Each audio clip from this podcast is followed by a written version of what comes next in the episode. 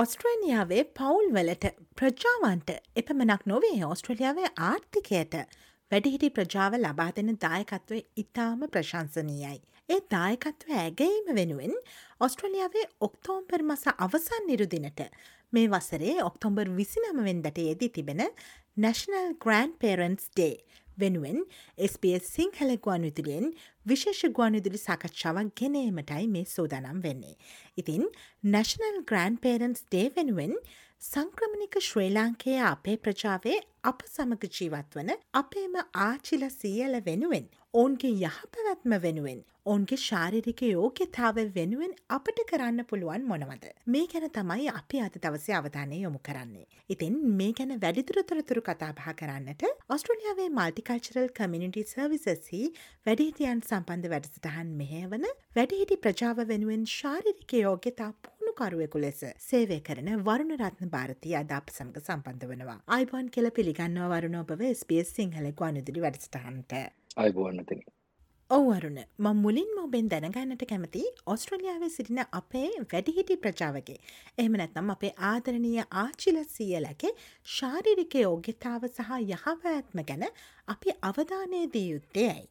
ඔස්ට්‍රේලියාවේ ජීවත්වන ශ්‍රී ලාංකික වැඩිහිටි ප්‍රජාවකි හම අපිට ගන්න පුළුවන් අවුරුදු ඇටට හැත්තෑවට වැඩි කට්ටිය තමයි වැඩිපුර ඉන්නේ. අවුරුදු අපි ගන්න සාමාන්‍යෙන් හැට පහට හැටට වැඩි පිරිස කියලා. එතකොට අපි ඒගොල්ලන්ගේ ශාරීරික සෞඛ්‍යයන අවධානය යොමු කරන්නවන පළවෙනිම හේතුව තමයි ඒගොල්ලො කරපු යම්කිසි කැපකිරීම හින්ද ඒගොල්ලෝ දීපු සහයෝගය හින්ද තමයි ඒගොල්ලොන්ගේ අනික් පරම්පරාවල් මේ වෙද්දි මේ වගේ රටක සුව පහසු ජීවිතයක් ගත කරන්නේ. එතකොට ඒකට අපි ඒගොල්ලන්ට ස්තුතිවන්ත වෙන්න සිද්ධ වෙනවා. ඒගොල්ලො ගැන අපි බලන්න යුතුකමක් තියෙනවා. ඒ වගේ සමාජමය කාරණාවක් තියෙනවා. ඊට අමතරව ගොඩක් අපි එක්ක ජීවත්වෙන මේ සීනිය කොමිනිටික හෙමනත්ත වැඩිහිටි ප්‍රජාව එයාගේ තියෙන වීස කන්ඩිෂන්ස් එක්ක ඉගොල්ලොන්ට මෙහෙ ජීවත්වෙන එකැන ඔස්ට්‍රේලියයානු පුරවැසියන්ට තියෙන සියලුම සෞඛ්‍ය පාසුකම් ලැබෙන්නේ නෑ උදාහරණයකට ඉගොල්ලො අසනීපයක් වුණෝතින් අදක්පයක් කැඩුනොතින්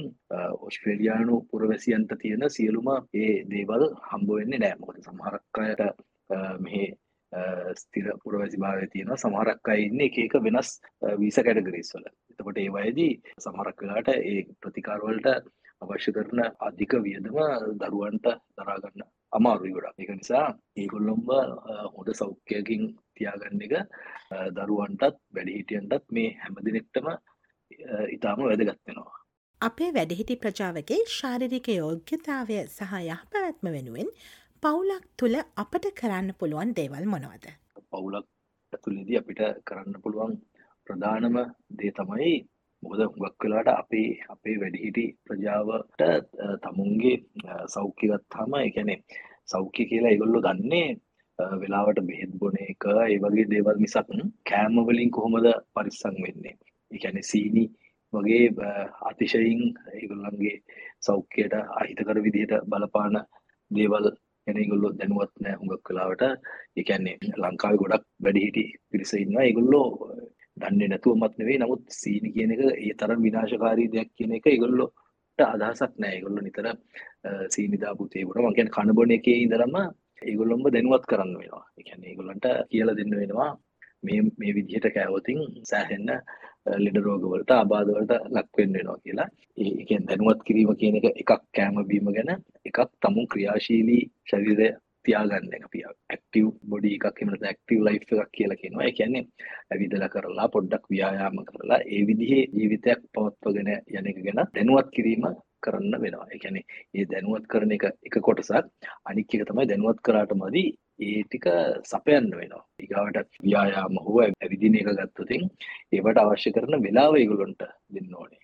විශේෂයෙන්ම දැන් අපි වැඩහිටි පරපුර ගොඩක්ව ඉන්න කට්ටිය ඒගොල්ලොන්ගේ ලොකුම කාර්යභාරය වෙන්න ගෙදර පොඩි ළමයි ඉන්නනගේ ළමයි බලාගන්න එක උයන පිහන එක. එතකොට ගිමල් අස්පස් කරලා තියාගන්න එක වගේ දේවල් තමයි. එතකොට දරුවන්ටත් තර මමතක වෙනවා මේගොල්ලන්ට මීට වඩා වෙලාවක් දෙන්න ඕනේ කියලා තමන්ගේ ඒ වැඩ ටික කරගන්න. එකැන ක්‍රියාශීලී ජීවිතයක් පවත්තු ගෙන යන්න සමහරක් වෙලාට ඒගොල්ලොන්ටත් එක ගැන මතකත් නෑ දෙනුමකුත් නෑ ඉතින් ඒ වෙලාව දෙන එක ඉතාම වැදගත්තේ ගැන්න හුවක් කලාට ඒගොල්ලෝ වැඩිහිටිය අයට කියලා කරන්නේ ඒගොල්ලෝ අයිති වෙන ආගම තියෙනවා නම් මොකක් හරි බුද්ධ ආගම හරි වෙනත් ආගමක් හරි ඒ ආගමික ස්ථාන වලට එක්කන් යනවා ඒ નિયમિત දවස් වලට හරි ඒ වගේ තන්දී කතා කරන ස්පිරිචුවල් ලයිෆ් එක හරි මොකක් හරි වගේම ඒගොල්ලෝ සැටිස්ෆයි වෙන්නේ ආගමක් ඇදහිමින් නම් ඒක වෙනම දෙයක් නමුත් ඊට අමතරව මම අර ඉස්සෙල්ලා කිව්වා වගේ කෑම සහ ක්‍රියාශීලී සිරුරක් ක්‍රියාශීලී ශරීරයක් පවත්වා ගැනීම අනිවාර්යෙන් කරන්න ඕනේ. ඒ ගැන දැනුවත්වීම සහ ඒකට අවශ්‍ය වටපිටාව ගේ තුළින් හදල දෙන්නත් ඕනේ. අවසාන වශයෙන් මං ඔබෙන් දැනගන්නට කැමති වරුණ අපේ වැඩිහිටියන්ගේ ශාරිරික යෝග්‍යතාවය සහ යහපැවැත්ම වෙනුවෙන් ඔස්ට්‍රලියාවේ පවතින සේවාවන් සහ අපට ලබාගත් හැකි අවස්ථාවන් මොනවද? ඒක ඇත්තරම ටිකක් සංකීර්ණ ඒ ප්‍රශ්න. මෝදයගේට හේතුව දැන් අපේ වැඩිහිටි පරපුරකිවහම් මෙගොල්ලෝ එක එක වීස කන්ඩිෂන්ස් වල ඉන්නේ. සමහරු ඉන්නවා ස්තිර පුරවැසි භාවය තියෙනවා. සමහරුන්ට වෙනත් ආකාරවල වීස කන්ඩිෂන්ස් තියෙන්නේ. තොට ඒවත් එක්ක ලැබෙන ප්‍රතිලාභ වෙනස්. හැබැයි පොදුව හැමෝටම ලැබෙන යම්කිසි දේවල් ටිකක් තියෙනවා. උදාහරණයට අපි ගත්තතින් එක ආයතන තියෙනවා. ධර්නයක් තුතින් ඔස්ට්‍රේලියන් මල්ටිකල්චරල් කොමිනිටි සර්විසස් කියලා තියෙනවා.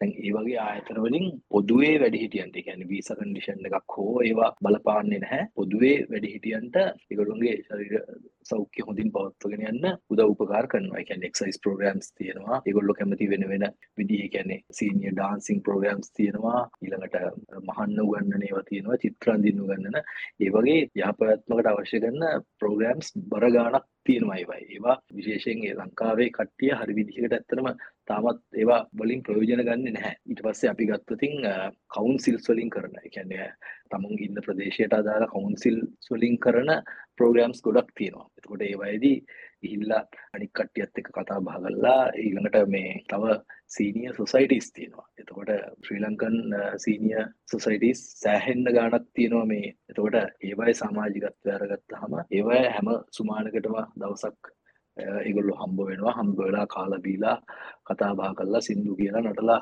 එහෙම එනවා. ඒ ඒක ඉතාම වැදගත් දෙයක්. ඒ විදිහේ ස්ථාන තියෙනවා. ඒවයි යම් ප්‍රමාණයකට ආණ්ඩුවෙන් ඒගොල්ලන්ට උදව් කරනවා. ඒ කියන්නේ ඒගොල්ලෝ එකතු වෙන තැන ගක් කලාට නොමිලේ හම්බ වෙනවා එහෙම නැත්නම් ඉතාම සුළු මුදලකට හම්බ වෙනවා ඊට පස්සේ සමහරක් ඒගොල්ලොන්ගේ ට්‍රිප් පැනීමට ඒගොල්ලොන්ගේ එක එක ඇක්ටිවිටීස් වලට ආධාර කරන ආයතන තියෙනවා ඊට අමතරව ඒගොල්ලෝ එක Uh, ෆන් රේසිං uh, නාට්‍ය වගේ ඒ වගේ දේවල් කල්ලා ඒගොල්ලෝ සල්ලි එකතු කරගෙන එක එක විදේශ රටවල් වල සංචාරය හිටන් යනවා. ඒ වගේ ගොඩක් දේවල් මේ රටේ සිද්ධ වෙනවා මේ විශේෂයෙන් මේ ලංකාවේ සීනියර් කොමිනිට එක මූලික කරගෙන. ඉතින් ඒගොල්ලෝ ඉගැනේ uh, දැන් ඇත්තරම ගත්තොත් ලංකාව ඉන්නවට වඩා බොහොම ඇක්ටිව්ලි මේවට සම්බන්ධ වෙන මේමත් එක්ක ජීවත් වෙන ප්‍රජාවක් ඔස්ට්‍රේලියාවේ ජීවත් වෙන ගැන ඇත්තරම සතුටුයි. මොකද අපි කරන ප්‍රෝග්‍රෑම් සොලදී පෞද්ගලිකව මම දැකලා තියෙනවා සාමාන්‍යෙන් ලංකාවේ අපි දන්න වැඩිහිටියන්ට වඩා සෑහෙන්න හොඳ තත්වකින් මෙහ වැඩ හිටියෝ ජීවත්වෙනවා එකට එක හේතුවක් වෙන්න පුළුවන්. එකළුන්ගේ සොසයිටි සහා එගොල්ලෝ සෑහෙන්න ක්‍රියාකාරකම් ගොඩක නිරත වෙනවා හැම සතියක්ම සතිය පුරාම. එකැන්දෙන් අපි වක්හරි අලුතෙන් ප්‍රෝග්‍රම් එකක් කිවත් මේ අපි කතාවෙන්න දැන් අර අනික් කට්ටියටත් වඩා මෙගොලු සෑහෙන්න බිසි එකන් මෙගොලුන්ගේ ෂෙඩියුල් එක ඒ තරම් එක එක එක දවස ගානේ ඇක්ටිවිටීස් වලින් පිරිලා තියෙන ඒක තමයි වෙන්න ඕන සහ විය යුතු හොඳම හොඳම දේ. එතකොට මේ සෑහෙන්න ගොඩක් දේවල් තියෙන කවුරහරි දන්න නැත්නම් ඒවට සම්බන්ධ වෙන්න කියන එක තමයි මතක් කරන්න තියෙන්නේ. මට අවසාන වශයෙන්ුත් කියන්න තියෙන්නේ අපි හැමෝම තේරුම් ගන්න ඕනේ අපි මොන වයසක හිටියත් අපිට වඩා වයස්ගත වැඩිහිටි පරපුරක් අපිත් එක්ක මේ රටේ ජීවත් වෙනවා නම් එතකොට අපි ඒගොල්ලොන්ට ස්තුතිවන්ත වෙන්න ඕනේ මොකද ඒගොල්ලොන්ගේ සෑහෙන්න මානසියකින් ධෛර්යයකින් තමයි අපි මේ රටට ඇවිල්ලා ඉන්නේ. ඒ කියන්නේ ඒගොල්ලෝ සමහරක් වෙලාවට ජීවිත කාලෙම හම්බ කරපුවා ජීවිත කාලෙම ඒගොල්ලන්ට තිබ්බ දේවල් විකුණලා තමයි අපිව මේ රටට ඉවලා තියෙන්නේ. ඉතින් එතකොට දැන් අපි මේ රටේ යම් තත්ත්වයක ඉන්නවා නම් ඒකට ඒගොල්ලෝ සෑහෙන්න පරිශ්‍රමයක් දරලා තියෙනවා. ඉතින් එතකොට ඒකට ඒගොල්ලන්ට ආපහු කළගුණ සලකන්න තියෙන හොඳම විදිහක් තමයි ඒගොල්ලොන්ගේ ජීවිතයේ සඳෑ සමය බොහොම සතුටින් නිරෝගීව ජීවත් වෙන්න පුළුවන් වටපිටාවක් හදන එක. ඒ සඳහා ඒගොල්ලන්ට අවස්ථාව ලබා දෙන්නේ සඳහා පරිසරය හදන්න කියල තමයි මට අවසාන වශයෙන් ඉල්ලිමක් කරන්න තියන්නේ. නැශනල් ග්‍රන්් පේරන්ස් දිනය වෙනුවෙන් අපේ ආචිල සියලක නැත්නම් අපේ ආදරණීය වැඩිහිටි ප්‍රජාවගේ ශාරිරික යෝගතාව සහ යහපැවැත්ම සම්බන්ධයෙන් මේ කතා බහට ස්පේස් සිංහල ගුවනිදිරිය සමගාද දවසේ සම්බන්ධ වනේ මෙල්බන්හි වැඩිහිටි ප්‍රජාව වෙනුවෙන් ශාරිරික යෝග්‍යතා පුහුණුකරුවෙකු ලෙස සේවය කරන වරුණ රත්න පාරති. ඉතින් වරුණ බොබට බෙහෙවින්ම ස්තුතිවන්ත වෙනවා අදස්පියස් සිංහල ගුවනුදිලිය සමඟ සම්බන්ධවීම ගැන. බොහොම ස්තුතියි